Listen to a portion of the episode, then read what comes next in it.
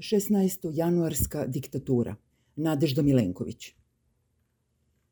Neočekivano lepo vreme za ovo doba godine možda jeste izmamilo ljude na izletišta i šetališta, ali ne i na birališta, jer mi odavno i nemamo birališta, već samo glasališta, tako reći puka za okruživališta. A i šta pa imamo i da biramo kad nije naše da budemo probirljivi, nego da budemo poslušni. Dosta nam je jedna lista i na njoj jedan vođa – što reče poslanik sa te liste, navodno ne znajući da parafrazira nacistički slogan jedan narod, jedna država, jedan vođa. Više nam i ne treba, naročito vođa, a ni drugih naroda i narodnosti, kako se nekada govorilo, daleko im lepa kuća. A tek nam ne treba druga partija. Može ako je mala, nepostojeća i ako je ušla u koaliciju sa najvećom ili, još bolje, nije ušla nego glumi opoziciju.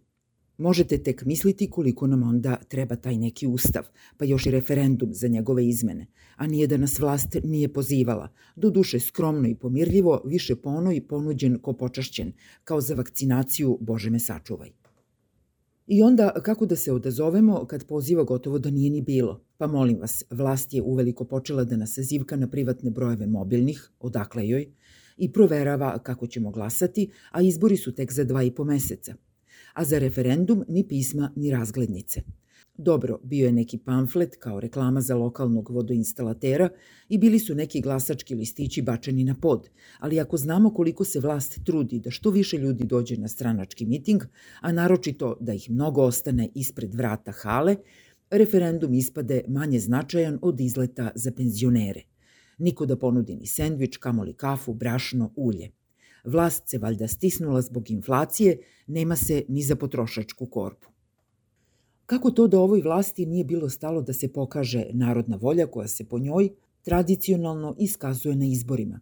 Za Boga, menja se najviši pravni akt ove zemlje, a ispada da se izjasnila jedva četvrtina i to u situaciji u kojoj predsednik Srbije neće ni da se kandiduje za predsedničke izbore ukoliko nije siguran da je unapred obezbedio polovinu glasova.